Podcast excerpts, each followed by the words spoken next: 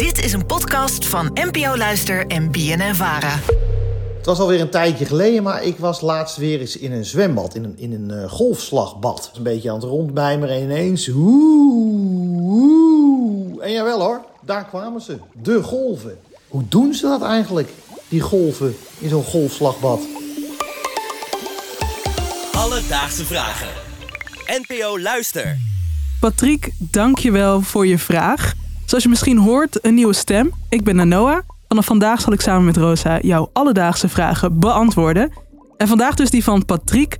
Rosa, ben jij een fanatiek zwemmer?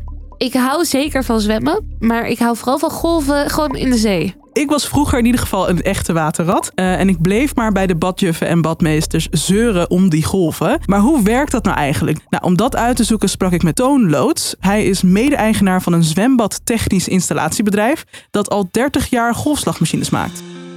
Eigenlijk aan het einde van het zwembad, aan de achterkant, uh, worden een aantal luchtkamers, betonnen luchtkamers gemaakt. Daar stroomt uh, water in. En op hetzelfde niveau als water in het zwembad. Alleen die kamers zijn hoger en daar wordt lucht ingedrukt.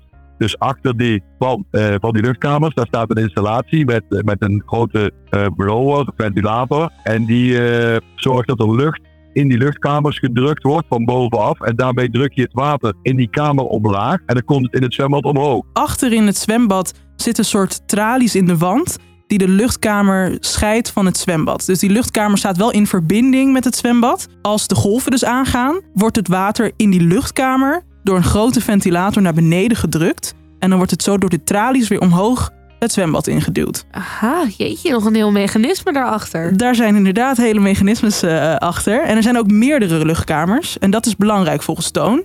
Dat zijn bij normaal koolstofbad zoals wij die in Nederland kennen, zijn dat meestal vier grote kamers. En die gaan om en om open en dicht. Kleppen gaan open, dan komt de lucht erin. En daarmee krijg je ook dat golfpatroon. Krijg je dat uh, diamantpatroon, zoals ze dat noemen. Dus ja, golfslagpatroon zoals wij het in de golfslagbaden kennen in Nederland. Wat, wat voor patroon? Een diamantpatroon noem je dat. En dat kan ik het beste uitleggen als dat het een soort deinende golven zijn. In plaats van als je in de zee golf hebt, dan zijn het een soort van rollende golven. Ja. Die komen echt zo op je af. Ja, in zo'n zwembad is dat meer deinend. Het gaat van links Oh. naar rechts een beetje. Als je ze namelijk alle vier tegelijk openzet, hè, die luchtkamers, dan krijg je dus een rollende golf, zoals in de zee. Lukt het jou vroeger trouwens om uh, niet spartelend ten onder te gaan in de golven? Ja, op een gegeven moment wel, maar het was wel altijd werken. Hard werken. Ik vond het zelf vroeger altijd uh, nogal spannend. Het voelde toch alsof er van alles mis kon gaan. Maar hoe gevaarlijk zijn die golven nou eigenlijk echt? En hoe bewaken ze dan de zwemveiligheid? Zoals je dan waarschijnlijk ook nog wel weet, dan ging er een, een, sirene af en een zwaailicht aan. En dan werd er omgeroepen van uh, over een paar minuten begint het water te golven. Ga dus ervan uit dat degenen die niet kunnen zwemmen uh, uit het zwembad gaan. Want je moet natuurlijk wel jezelf in die golven kunnen redden. Maar qua techniek of zo is daar geen gevaar. Er zit onderin waar dan dat water omhoog en omlaag gaat. Hè, waar het dus door die kamers naar beneden wordt gedrukt. Daar zit een hekwerk, daar kun je niet in. Oké, dus je kan niet erin worden gezogen. Nee, nou dat is inderdaad een van de dingen waar mensen altijd bang voor zijn. Ja. Maar dat idee dat je ergens ingezogen kan worden, dat klopt volgens Toon niet. En dat gebeurt in Nederland in ieder geval niet. Oké, okay, in Nederland gaat dat dus goed, maar hoe zit het dan in andere landen? Het kan uh, wel eens fout gaan, zoals bijvoorbeeld in China. In 2019 uh, werd er een soort tsunami gecreëerd in het golfslagbad, uh, waardoor er meer dan 44 mensen gewond raakten. Oh my god. Maar daar hoeven we dus in Nederland niet bang voor te zijn. Hier Gelukkig. gebeurt dat eigenlijk niet volgens Toon. Maar hoe kun je dan het beste omgaan met de golven als zwemmer? Dat vroeg ik aan Mathieu de Schipper, kustwaterbouwkundige en universitair hoofddocent aan de TU in Delft. Het beste is dan eigenlijk om onder te duiken. Want bovenin bij de golf, daar zijn de, de stromingen van de golf het, uh, uh, het hardste. Dus daar ga je het meeste heen en weer. En als je helemaal richting de bodem gaat, daar, uh, daar zijn die stromingen het minste. En dat zie je soms, uh, sommige watervogels zie je dat doen. En, en surfers doen dat ook. Die duiken echt onder het water, uh, onder die golf door. Proberen zo diep mogelijk te komen, waar de stroming ietsje minder hard is. Om dan achter de golf weer boven te komen.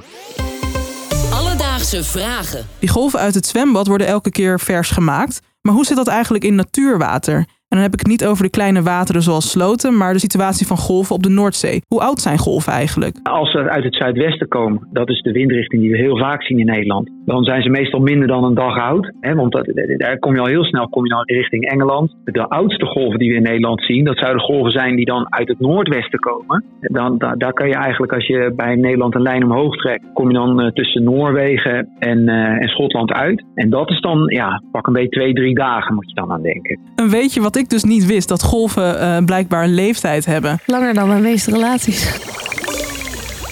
Dus Patrick, hoe werken die golven in een golfslagbad? Nou, achter in een golfslagbad zitten meerdere luchtkamers. Die luchtkamers zijn verbonden aan het zwembad, maar worden met een soort tralies gescheiden. Vaak zijn er vier van deze luchtkamers, waar een grote ventilator het water naar beneden duwt. Dat water komt dan door de tralies omhoog het zwembad in. En doordat de vier kamers om en om het water naar beneden blazen, ontstaat het golfpatroon in het zwembad. Mocht je de golven nou willen trotseren, zowel in het zwembad als in de zee bijvoorbeeld, zorg er dan voor dat je onder de golf doorduikt. Richting de bodem is de stroming namelijk het minste. Heb je nou ook een vraag? Stel die dan via onze Instagram, Alledaagse Vragen. Daar kun je ons vinden. Of stuur een mailtje naar alledaagsvragen.bnnvara.nl en dan zoeken we het voor je uit. Alledaagse vragen. NPO Luister. BNN Vara.